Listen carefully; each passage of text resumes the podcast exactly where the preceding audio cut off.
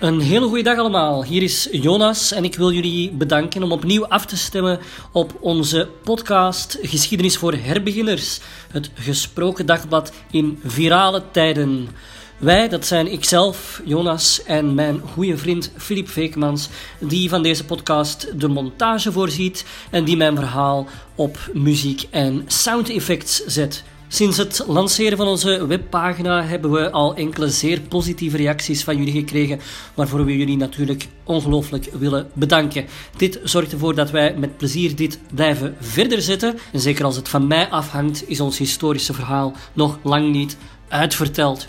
We doen deze podcast overigens helemaal niet chronologisch. We doen het een beetje in de volgorde van onze eigen voorkeur of de verzoekjes die we binnenkrijgen. Dat doet me er trouwens aan denken als jullie opmerkingen, vragen, commentaar, correcties of ook verzoekjes hebben, alsjeblieft laat ze achter op onze webpagina op Facebook in plaats van ze in privéberichten naar ons te sturen. Zo stimuleer je anderen, zo leid je anderen de weg naar onze podcasts. Voor we overgaan naar de orde van de dag, willen we jullie nog even hartelijk bedanken voor de vele positieve reacties die zijn binnengekomen via onze Facebookpagina. Uh, graag staan we nog even stil bij vijf interessante luistervragen. Uh, de eerste luistervraag komt van Inne, een vriendelijke jonge dame uit Borgerhout. En zij schrijft: Hey, leuke podcast. Ik vraag dit eigenlijk uit naam van mijn vriendje. Kan je iets doen rond de Koude Oorlog? Reken maar, Inne, dat komt er nog aan. Maar als we het hebben over de ingewikkelde conflicten van de 20e eeuw, gaan we toch eerst de Tweede Wereldoorlog doen. Je kan de Koude Oorlog, een complex, doch reuze boeiend uh, onderwerp niet begrijpen zonder wat voorkennis van die Tweede Wereldoorlog. Tweede inzending komt van Timo, een brave, binnenblijvende jongen uit het historische centrum van Antwerpen. En die schrijft: Hey, awesome podcast. Kan je misschien iets doen rond de Turken die Constantinopel innemen? Dankjewel Timo voor, deze, voor dit interessante verzoek. De val van het Oost-Romeinse Rijk komt er nog aan, zet ik zeker op de bucketlist, maar zal nog niet voor meteen zijn, want het is zeker een onderwerp waarin ik mezelf wat moet inwerken. Roel, een verveelde jongeman uit Berchem, stuurt Oh my god, OMG, ik wist niet dat de moord op Frans Ferdinand zo een slapstick was. Tragisch, maar wel slapstick. Ja, dat klopt, Roel. Fantaseer die scène in schokkerig zwart-wit met als enige geluid een begeleidend pianomuziekje en je hebt een filmpje van Charlie Chaplin of Laurel en Hardy, de dikke en de dunne. En zo begon de Eerste Wereldoorlog inderdaad. Lies, een leergierig meisje uit het Mechelse, stuurt Wow, ik voel me precies een leerling in Jonas zijn klas. Ja, dat klopt, Lies. De komende weken worden de lessen eigenlijk vanuit mijn huiskamer uitgezonden. En eigenlijk begin ik me meer en meer af te vragen of ik dit niet voortaan heel mijn carrière zo mag doen. Waarom nog een treinabonnement nemen? Dan hebben we tenslotte Arne, een pinterjongen uit Berlijn. Jawel, onze podcast gaat internationaal. Vanuit Berlijn stuurt hij het volgende. Interessante podcast, zegt hij, maar hebben jullie wel sabam betaald voor het spelen van Frans Ferdinand? Ja, Arne, daar heb je zeker een goed punt. Ik had er nog niet bij stilgestaan. Iedereen die meer bekend is van de juridische techniciteiten van dit soort van vraagstukken, gelieve me te contacteren. Misschien denkt Sabam wel voor één keer. Desperate times, desperate measures. En laten ze een Sabam-bijdrage vallen voor een keer, omdat de podcast uiteindelijk toch gratis is voor iedereen. Maar ja, we zullen zien.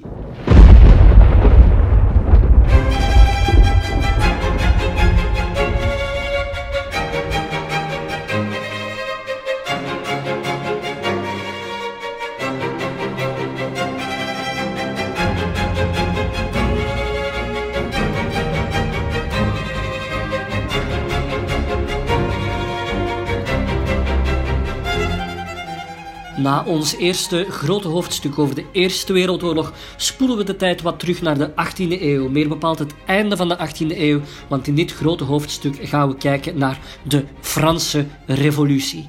Een van de meest ingrijpende gebeurtenissen in de Europese geschiedenis, of in de wereldgeschiedenis zelfs, waarvan we de gevolgen tot de dag van vandaag dragen.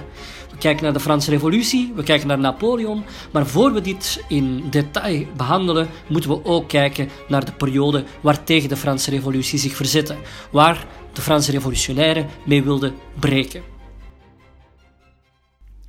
Ik overloop even met jullie de zes grote hoofdvragen die we samen gaan behandelen. De eerste hoofdvraag, die van vandaag, is eigenlijk eerder een proloog. We gaan kijken naar het vorstelijk absolutisme in Frankrijk en als casus nemen we de zonnekoning Lodewijk XIV en zijn kasteel in Versailles. Het tweede hoofdstuk behandelt de vraag waarom was het zogenoemde Ancien Régime, dat is de tijd voor de Franse Revolutie, in Frankrijk dan niet langer houdbaar. Met andere woorden, wat waren de oorzaken van de Franse Revolutie? Ten derde, hoe verliep de Franse Revolutie en hoe zou ze radicaliseren? Wanneer komt die guillotine bijvoorbeeld erbij kijken, waar iedereen ze toch mee associeert?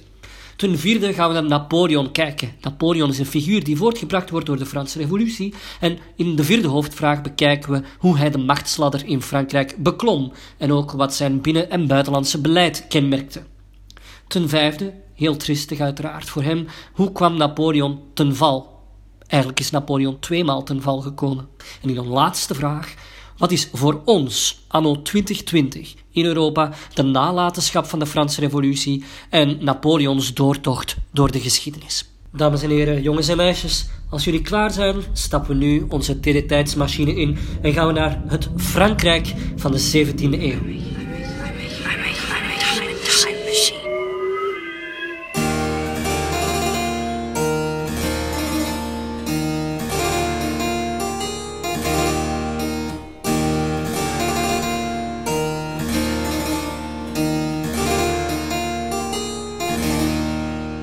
De 17e eeuw inderdaad. Waarom behandelen we Lodewijk XIV? Hij was immers niet de laatste koning van Frankrijk voor de revolutie. Dat klopt. Maar het is wel diens achter, achterkleinzoon, Lodewijk XVI, die de fatale storm zou oogsten, waarvan de wind eigenlijk door de zonnekoning, Lodewijk XIV, was gezaaid. Het is ook juist het koningschap, zoals Lodewijk XIV dat interpreteerde, waarmee de Franse revolutie komaf wilde maken. We schrijven het gezegende jaar 1643.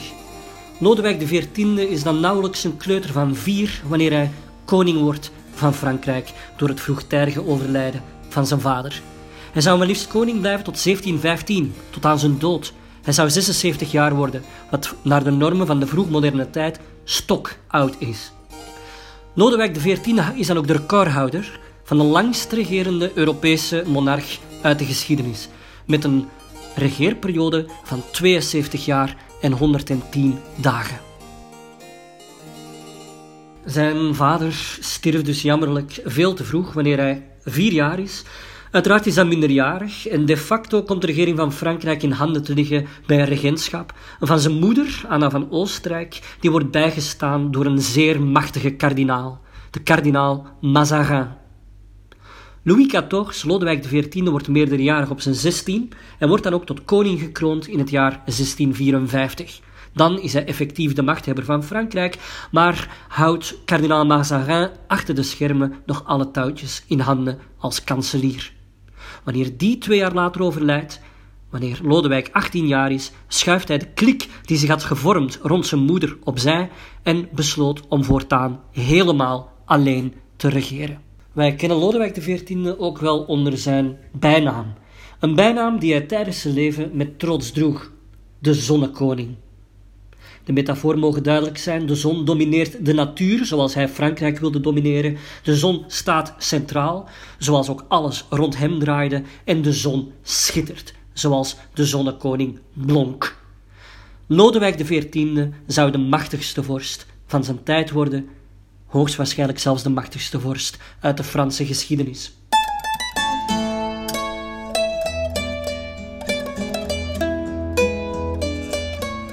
Misschien even iets meer over mijn eigen interesses of mijn eigen stijl. Wanneer ik mezelf verdiep in een bepaald historisch onderwerp en de manier waarop ik dan graag ook vertel over die onderwerpen, dan is dat zoals ik heb geleerd bij mijn opleiding als een geschiedkundige. Mij is geleerd om vooral op zoek te gaan naar het waarom achter de dingen, naar de structuren, naar oorzaak, naar gevolg, naar context, naar internationale relaties, naar evoluties en revoluties, naar dingen die blijven bestaan, continuïteit, en dingen die ophouden te bestaan, discontinuïteit.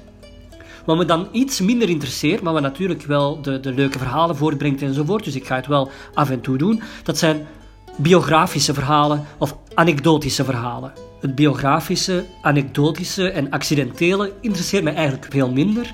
En daarvoor verwijs ik graag naar prachtige boeken die geschreven zijn. Ik zal er straks op het einde van de podcast een paar noemen. Of een paar mooie series die je natuurlijk met een fameuze korrel historisch zout moet nemen. Maar wij gaan in de minuten die volgen proberen te analyseren op welke pijlers de macht van de zonnekoning is gebaseerd.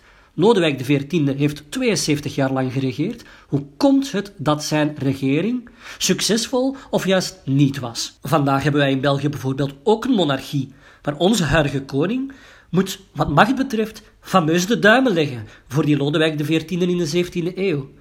Lodewijks bestuur stoelde op vier pijlers: een godsdienstige pijler, een economische pijler, een buitenlandspolitieke pijler en een binnenlandspolitieke pijler. Ten eerste bekijken we de godsdienstige pijler. En daarvoor laat ik graag Bossuet, Lodewijks biechtvader, aan het woord.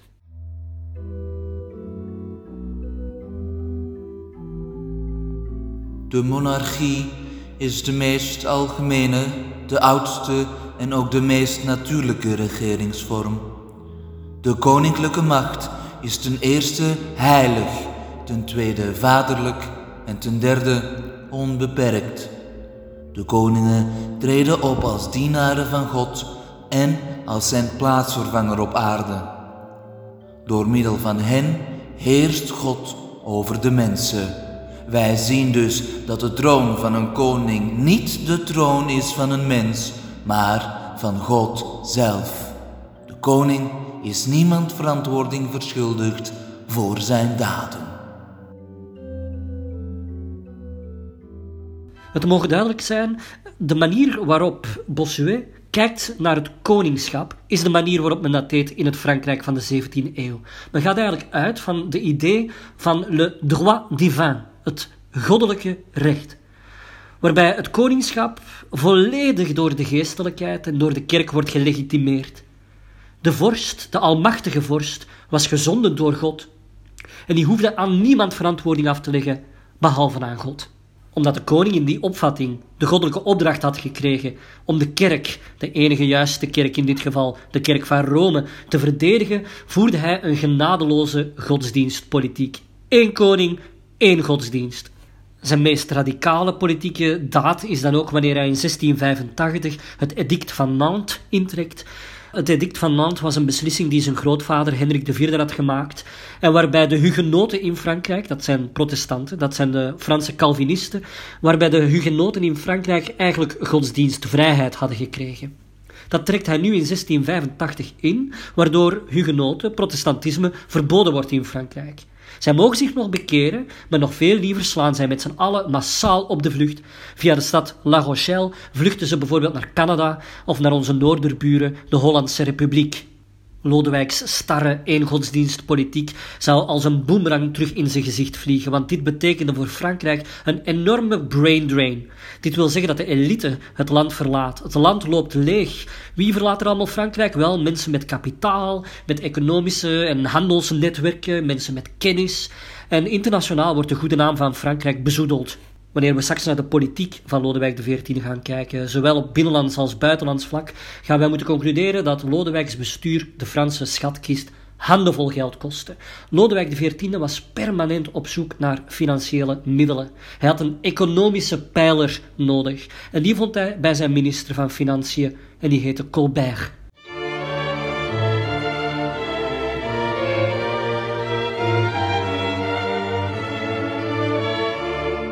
Zoals Donald Trump eigenlijk de hele tijd zegde: America first, als het ging over de Amerikaanse protectionistische economie, zei Lodewijk XIV dat over Frankrijk. La France d'abord. Protectionisme betekent wanneer de overheid interveneert in de economie en ervoor zorgt dat de eigen nationale economie beschermd wordt. Dat klinkt allemaal heel positief, maar dit gaat eigenlijk altijd ten koste van buitenlandse economie en zorgt ervoor dat de internationale handel in de problemen komt. Wat nu volgt is een beetje technisch van aard, dus zet je schrap. Het protectionistische beleid dat minister van Financiën Colbert voerde, wordt ook wel eens mercantilisme genoemd. Het mercantilisme houdt in dat er in de wereld een beperkte goudvoorraad is. de basis in die tijd van alle economie. En het goud dat jij, Frankrijk in dit geval, bezit, heeft het buitenland niet. In het geval van Louis XIV, wiens bestuur enorm veel geld kostte, wil de overheid zoveel mogelijk geld en goud binnen de grenzen van Frankrijk krijgen en houden. En minister van Financiën Colbert trekt dan ook een hele tolmuur op rond Frankrijk om tarieven te heffen. Wel, waarvoor diende die tolmuur nu? Omdat je met afgewerkte luxe producten veel meer verdient dan met bijvoorbeeld het verkopen van grondstoffen, waarmee je die luxe producten kan maken, worden afgewerkte producten uit het buitenland die men in Frankrijk wil verkopen afgeremd door hoge tarieven te heffen aan de grens. En afgewerkte producten van Franse makelij, die worden dan weer gestimuleerd om naar het buitenland te gaan door lage exporttarieven erop te heffen.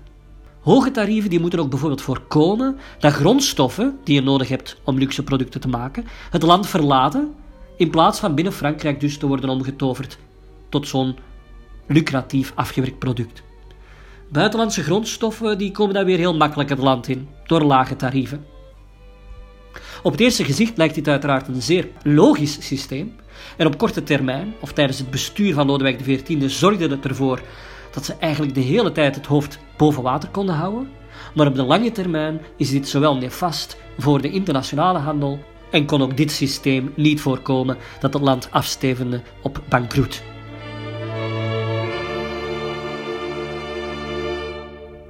Wat maakte de tijd van Lodewijk XIV dan zo peperduur?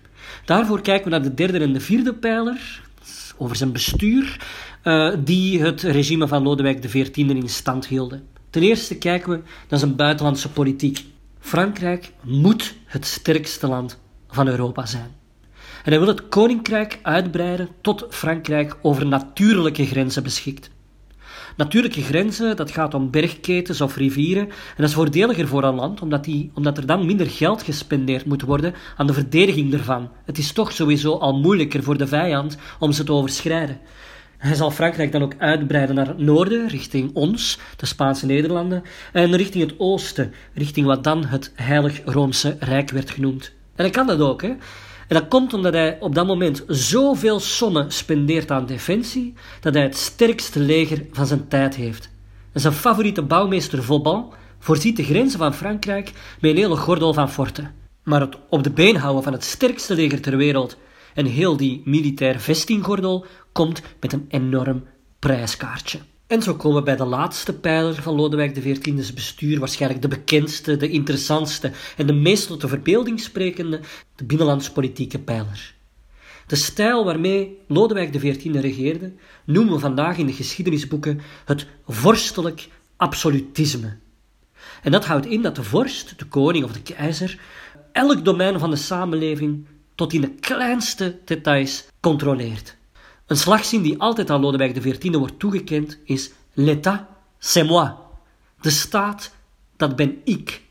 De drie staatsmachten die wij vandaag uh, kennen en scheiden, namelijk de uitvoerende macht, de rechterlijke macht en de wetgevende macht, die kwamen in die periode nog samen in die ene persoon, de koning. Hij sprak recht, hij bestuurde en hij maakte de wetten. En hij slaagt daar zo in dat we gerust mogen stellen dat Lodewijk XIV een van de machtigste mannen moet zijn geweest die ooit deze aardkloot bewandelde. Weinig mensen zijn zo machtig geweest als hij, en ik plaats hem op in termen van macht gemakkelijk in dezelfde categorie als totalitaire dictators van de 20e eeuw, zoals een Stalin, een Hitler of een Mao. Rond de persoon van Lodewijk XIV heerst er ook een totale quasi-religieuze personencultus. Hij was letterlijk God op aarde. Mensen geloofden dat hij mensen genas door ze gewoon aan te raken. Hij doet ook volop aan mecenaat. Dat wil zeggen dat hij, sponsorde, dat hij kunst sponsorde die hem letterlijk en figuurlijk in de verf moest zetten. Er worden ongelooflijk veel statieportretten van hem gemaakt, waarin hij zijn macht etaleert. En eigenlijk de barok, zoals die in Frankrijk in de 17e eeuw wordt gemaakt, heeft zijn eigen naam, de Louis XIV-stijl.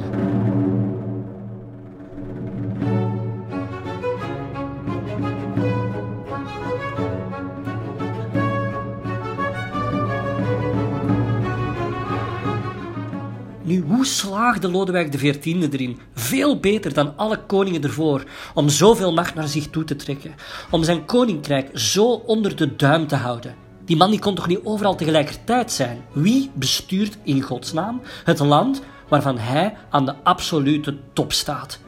Wel, in tegenstelling tot zijn koninklijke voorgangers, recruteert hij voor zijn ambtenarenapparaat eerder uit de burgerij, de hoogopgeleide uit de derde stand, de professionals, de mannen met geld en de mannen met een opleiding, veel eerder dan uit de oude adel van Frankrijk, die sinds mensenheugnis de belangrijkste postjes bekleden van het bestuur. Nu, wat een vrij courante praktijk was, was dat hij die trouwe ambtenaren uit de burgerij, of bourgeoisie, dat hij die bekleedde met een adellijke titel. Dan noemen we dat dienstadel. Adel die dat heeft verdiend, die titel.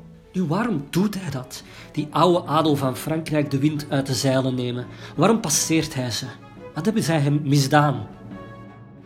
Wel, dat heeft alles te maken met Lodewijks voorgangers. Het was al verschillende keren gebeurd in de Franse geschiedenis dat de koning was afgezet of zelfs vermoord door een of andere adellijke samenzwering, waarbij andere edelmannen de Bourbon-dynastie van de macht wilden verdrijven en zelf de Franse troon innemen. Het laatste slachtoffer van zo'n opstand van de adel was Lodewijks vader. En als gevolg van deze moord slaapt Lodewijk XIV zijn hele leven lang met één oog open. Hij wantrouwt de adel van Frankrijk als de pest.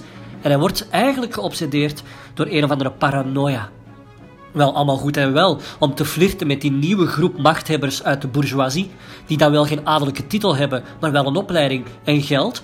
Wat met al die Franse adel die ergens verspreid over Frankrijk in hun kastelen misschien wel de messen zitten te slijpen achter zijn rug, zonder dat hij daar vat op heeft. En daar is Lodewijk XIV hoogstwaarschijnlijk het allerbekendst mee geworden. Hij sluit eigenlijk de adel op in een gouden kooi. Hij plaatst ze allemaal samen met hem onder een glazen stolp, een zeebel, een luchtkasteel waar Hollywood en Netflix een vette kluif aan hebben. Een luchtkasteel genaamd Versailles. En daar neem ik u graag mee naartoe.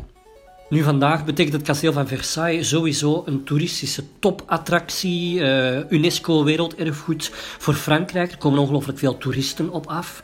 Uh, maar Versailles voor mij is vooral interessant omdat het zo'n uniek, nooit voordien en nooit nadien uitgeprobeerd politiek experiment was voor Lodewijk XIV om af te rekenen met elke indenkbare politieke tegenstand.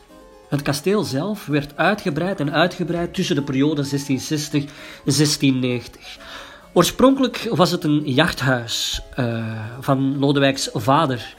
Maar in de filosofie uh, tuning is not a crime zette hij 36.000 arbeiders en 6.000 paarden aan het werk om het hele paleizencomplex te bouwen. En op de duur zal het hele hof verhuizen van Parijs naar Versailles, het centrum van de macht in Frankrijk verhuist. En hij verplicht dan ook iedereen van de Franse adel van belang om bij hem, onder zijn neus, onder zijn ogen te komen wonen. Ja, hij moet hebben gedacht, gardez vos amis proches, mais vos ennemis plus proches. En Versailles is ook heel knap uiteraard van het esthetisch-artistiek standpunt langs de buitenkant. Het is het toppunt van de barok. Het is ook niet alleen een, een paleizencomplex. Er liggen aangelegde tuinen bij, uh, met fonteinen. Uh, de, de ongelooflijk bekende, heel indrukwekkende spiegelzaal. Uh, duizenden appartementen, vooral die adel, vooral die edelmannen die daar, en edelvrouwen die daar moesten wonen. En ja, de kunst doet daar alles schitteren. En vandaag associëren wij Versailles met feesten, met banketten, met veel gedans en veel plezier. Maar dat is eigenlijk geen correct beeld. Dat was slechts de façade. Onder die façade werd er een bittere, frustrerende machtsstrijd uitgevochten door al die edellieden, die allemaal onterdichtst bij de koning wilden geraken. In Versailles blinkt alles aan de buitenkant. Ik denk aan kristallen lusters, gouden badkuipen. U fantaseert waarschijnlijk over de rollen toiletpapier die daar met torens liggen. Hè, vandaag toch een schaars goed. Maar vergis u niet. In Versailles moet het ongelooflijk hebben gestonken. En er is geen betere getuige van die stank dan de hertog van Saint-Simon. De hertog van Saint-Simon is zo'n beetje de royalty watcher van de 18e eeuw. Deze hertog, dat was de ogen en oren van Versailles. Hij heeft heel veel essays en heel veel dagboeken bijgehouden uit zijn periode dat hij daar woonde, waarin hij heel veel aandacht besteedt aan het gedrag van iedereen. Hij was zelf van adel en hij kikte op adellijk bloed, hij kikte op adellijke titels en hij kikte op hiërarchie, de piramidale structuur van zeer machtige, minder machtige, minst machtige en noem maar op. De memoires van de hertog van Saint-Simon zijn uitgegeven, die zijn heerlijk om te lezen. En hoe langer je erin leest, hoe meer je hem begint voor te stellen als zo'n ja, gefrustreerd ventje dat kritiek levert op alles en iedereen. In het volgende fragment van zijn memoires laat ik hem even aan het woord. En hij spreekt hier over de hygiënische omstandigheden van Versailles.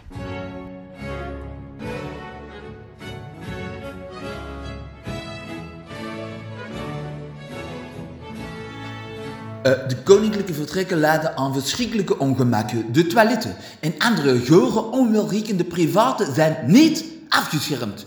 De ontstellende grootheid van de tuinen wordt slechts geëvenaard door de slechte smaak waarmee ze zijn ontworpen. Om van de koelte van de schaduwrijke tuinen te kunnen genieten, is men gedwongen een groot sneakheidplan gewoon over te steken. Aan het eind daarvan valt niks anders te doen dan naar boven en naar beneden te klauteren. Op de grond kunt je nergens gaan zitten omdat je je dan verbrandt. De talrijke waterstroompjes die naar alle richtingen worden gepompt, maken het water groen, dik, troebel. Het verspreidt een ongezonde vochtigheid en een smerige stank. Als je Saint-Simon en zijn tijdgenoten mag geloven, was Versailles één groot open riool, verguld met laagje bladgoud dat door de belastingbetaler was opgehoest. En wie betaalde de belastingen in die tijd? Iedereen, behalve de mensen die in Versailles woonden. Iedereen behalve de adel en de geestelijkheid. Versailles is precies één grote mestvaalt met een zilveren strik er rond. Hoe schitterend de kledij, de feesten en het interieur ook mochten zijn, Versailles was niks voor mensen met een al te ontwikkeld reukorgaan. Veel mensen leefden dicht opeen en zich wassen werd als zeer ongezond beschouwd. Aan het einde van de 17e eeuw moeten in Versailles minstens 100 badkamers zijn geweest. En elke suite die maar belangrijk genoeg was, had er ook een. Doch ze werden niet gebruikt. In 1677 liet Lodewijk XIV twee badkamers voor zichzelf installeren. En in 1979 nog eens twee. Een van die badkamers die werd dan nog eens vergroot. Er werd een roze marmeren badkuip in de vorm van een achthoek opgesteld met een diameter van 3 meter en een diepte van 90 centimeter. Daarboven kwam dan ook nog eens een baldakijn. Toch nam de zonnekoning uiterst zelden een bad. Dat weten we omdat zijn persoonlijke geneesheer een gezondheidsjournaal bijhield, waarin hij optekende wanneer dit gebeurde. En in 1665 was dat wel geteld één keer het geval. Ook geiten en koeien door de prinsessen in hun appartement gehouden om hen van verse melk te voorzien, leverden uiteraard hun bijdrage tot dit ja, pregnante geurenpalet. Reken daarbovenop de geur in de kledij van mensen die juist waren gaan paardrijden. In Versailles hing ook een doordringende pisgeur. Want iedereen die daartoe de aandrang voelde, deed gewoon zijn gevoeg, urineerde onder de trappen. De Zwitserse wacht keek er wel op toe dat niemand zijn nachtpot, zijn pispot leeggoot door het raam. Dit omdat een van de voorgangers van Lodewijk XIV op weg naar de misviering vanuit het Louvre ooit eens de inhoud van zo'n pot over zich heen had gekregen. Hoe waste de zonnekoning zichzelf dan? Met eau de cologne. En dan nog maar bepaalde gedeeltes van zijn lichaam. Stank werd dus tegengegaan met nog scherpere geuren.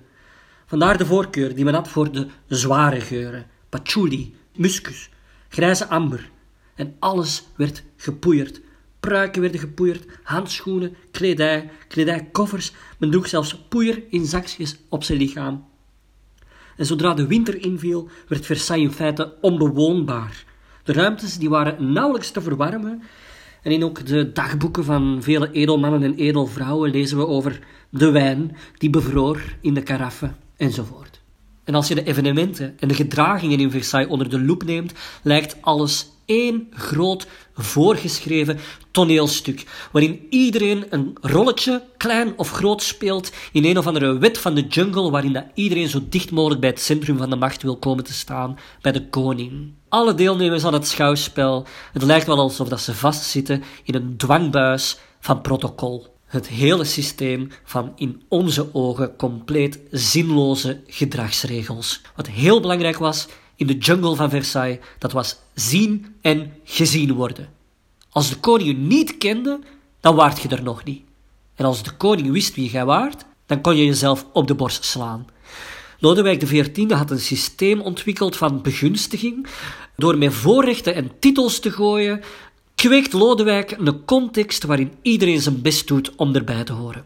Dat heeft uiteraard als kwalijke gevolg dat Versailles het epicentrum was van concurrentie, achterklap, roddel, wantrouwen en verraad. Dat moet daar een krabbenmand geweest zijn waar ik voor geen geld van de wereld mijn hand zou willen insteken.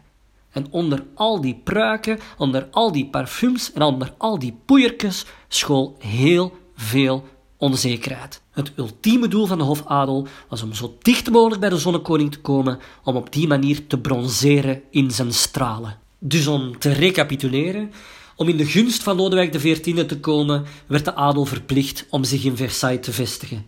En in feite, door dat te doen, ruilden ze hun macht in voor een hoop niks zeggende titels. En op die manier kon de koning hun altijd controleren. Ook dat uiteraard werkte de hertog van Saint-Simon danig op de zenuwen. Laten we even horen wat hij zegt.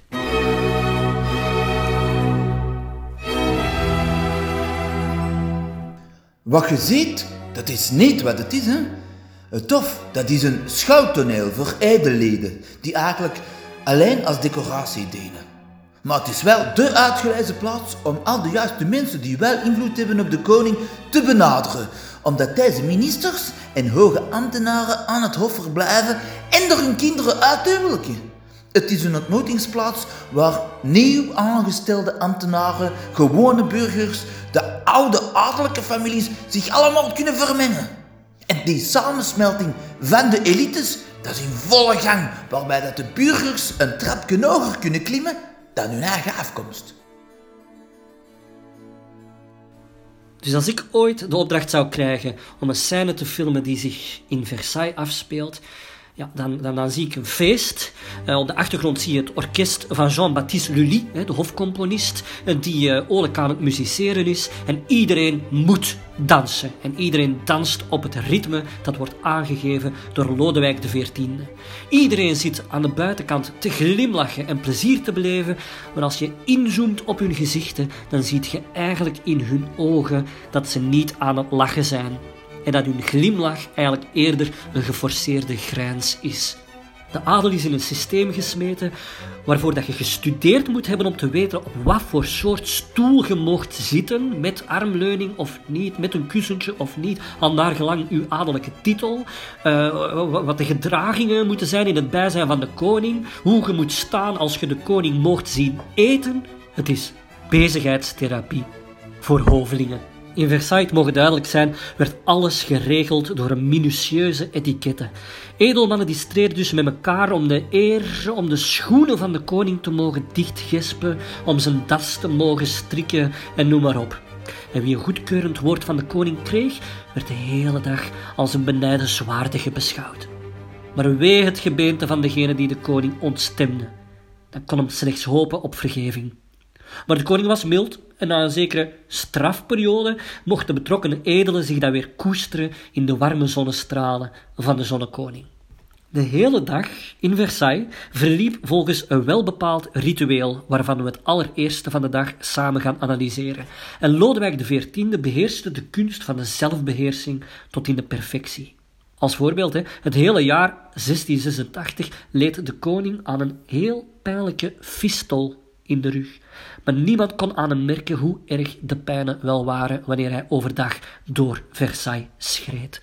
Het tot in de fijnste details voorgeschreven ritueel waarmee elke dag van de koning begon, gaan we even samen onder de loep nemen. Het vindt plaats in het hart van Versailles, het centrum van de macht van het kasteel en bij uitbreiding van Frankrijk. De slaapkamer. En de slaapkamer in Versailles die ligt exact op de oost-westas, want de hele dag van de koning moet volgens het verloop van de zon verlopen.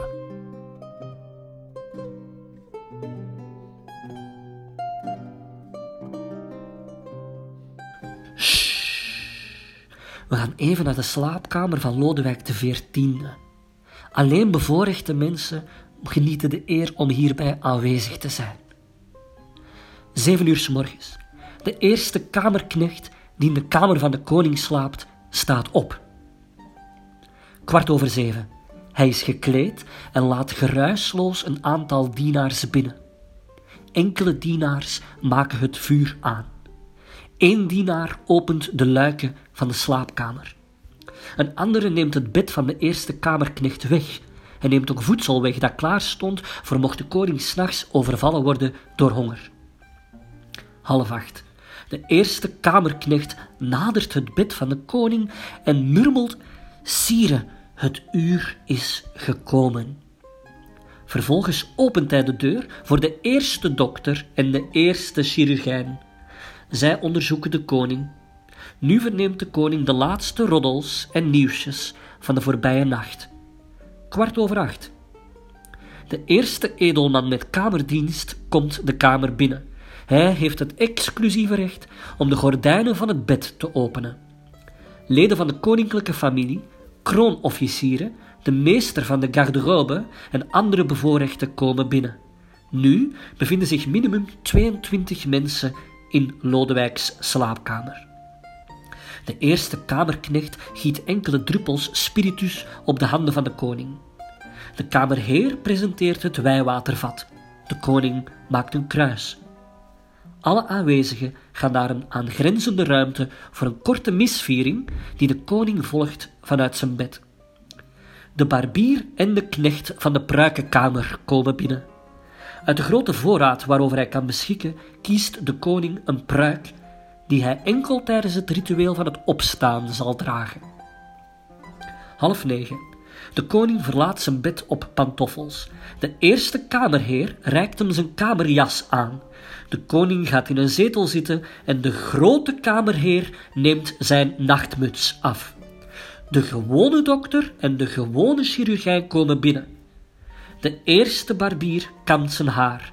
Om de twee dagen scheert hij de koning. De koning neemt vervolgens plaats op zijn chaise d'affaires. Dat is een eufemisme voor de koninklijke kakstoel. En onderhoudt zich intussen met familieleden en kamerofficieren die veel betaald hebben om hierbij aanwezig te mogen zijn en om de kakstoel en het koninklijke drolletje weg te mogen dragen.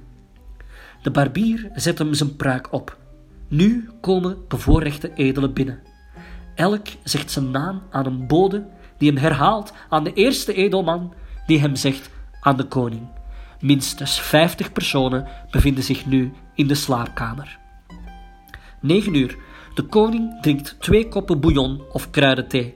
Hij doet zijn kamerjas en zijn nachthemd af, als ook de reliquieën die hij die nacht heeft gedragen. De dauphin dat is de kroonprins, of de hertog van Bourgondië, Berry of Orléans, geeft de koning zijn hemd. Men biedt de koning een aantal dassen aan waaruit hij er één kiest. Een andere edelman presenteert drie zakdoeken waaruit de koning er twee kiest. De koninklijke horlogemaker heeft het horloge van de koning opgewonden en overhandigt het hem. Het aankleden is zittend en plechtstatig verlopen. De koning staat op knielt naast zijn bed en na enkele gebeden staat hij weer op. Nu zet hij zijn overdagpruik op. 9 uur 30, we zijn nu 2,5 uur later. De koning is klaar en begeeft zich nu naar zijn werkruimte. Beste luisteraar, dit is het politieke systeem in Frankrijk rond het jaar 1700. En het is uiteraard ongelooflijk fascinerend. Het zorgt voor fantastische verhalen. Maar hoe houdbaar is nu eigenlijk dit systeem? Versailles, gecombineerd met de vele oorlogen die Lodewijk XIV zal voeren tijdens zijn lange regeerperiode, slaan een ongelooflijk gat in de staatskas. Hij maakt zich ongelooflijk onpopulair in het buitenland en de adel die met hem woont in Versailles is in feite bang van hem. Zijn financiële put probeert hij te delven door enkele bijzonder onpopulaire belastingen te heffen. Ik denk dan bijvoorbeeld aan de gabelle, en dat was een belasting op zout. Zout was het bewaarmiddel, dagelijks product bij uitstek. En dat zal dan het misnoegen over het koningschap onder de bevolking nog maar doen toenemen. Lodewijk XIV, bij zijn dood in 1715, wist het waarschijnlijk goed genoeg. Zijn laatste woorden zijn volgens de overlevering: J'ai guéri trop. Ik te veel oorlog gevoerd. En ook omdat hij in die bubbel woonde, die Versailles heette, was er een ongelooflijke kloof ontstaan tussen het koningschap en de gewone bevolking. Tegen het einde van Lodewijks leven zien we dan eigenlijk ook een shift in zijn populariteit of de manier waarop de bevolking, de modale Fransmen, hem aanbad. En die shift in populariteit die zien we heel duidelijk als we een brief bekijken van Monseigneur Fénelon. Hij was de aartsbisschop van Kamerijk, van Cambrai, en ooit was hij nog de privéleraar van de kinderen van Lodewijks zoon en troonopvolger, de Grand Dauphin. Het mogen duidelijk zijn, deze aartsbisschop heeft ooit heel dicht bij de koninklijke familie gestaan en heeft zich voortbewogen in de hoogste cenakels van de macht. Maar wat schrijft hij nu? Uw inkomsten en uitgaven zijn tot in het oneindige toegenomen. Men verheft u in de zevende hemel omdat u zogezegd uw voorgangers in grootheid hebt overtroffen. U hebt geheel Frankrijk tot de bedelstaf gebracht door een verderfelijke en onuitroeibare weelde aan uw hof in te voeren. Men heeft uw naam gehaat gemaakt en u hebt bereikt dat de hele Franse natie niet meer te verdragen is door de omringende volkeren. Nu, die Fénelon die behoorde tot de hoogste klerus. Maar ook bij de lage klerus heeft tegen het einde van Lodewijks leven de koning heel wat aan populariteit moeten inboeten. Dat hoor je heel duidelijk in de preek van deze anonieme dorpspastoor. Op 1 september van dit jaar stierf Lodewijk XIV, koning van Frankrijk en Navarra. Hij werd nauwelijks betreurd omwille van de enorme geldsommen die hij eiste van zijn onderdanen. Men zegt dat hij bij zijn dood een schuld van 1,7 miljard pond naliet. Voor een gewone priester is dit een zeer gewaagde uitspraak. Zeker als je het zou vergelijken met de hoogtijdagen van Lodewijkse macht. Die tijd is heel duidelijk voorbij. Wanneer Lodewijk sterft, laat hij een Frankrijk achter dat op de rand staat van het faillissement. Hij wordt trouwens niet opgevolgd door zijn zoon of zijn kleinzoon, want hij overleeft twee generaties, zo lang leeft hij, maar door zijn achterkleinzoon. Die zou dan Lodewijk XV worden. Voilà, dat brengt ons aan het einde van dit hopelijk fascinerende, maar toch in elk geval plezierige verhaal over Lodewijk XIV, de zonnekoning, die ik had uitgekozen omdat hij symbool staat voor de manier waarop Frankrijk aan de vooravond van de Franse Revolutie werd bestuurd. Luisteraars die graag meer willen weten over de zonnekoning, doe ik met plezier twee titels aan de hand. De meest recente is van de Vlaamse schrijver Johan Op de Beek.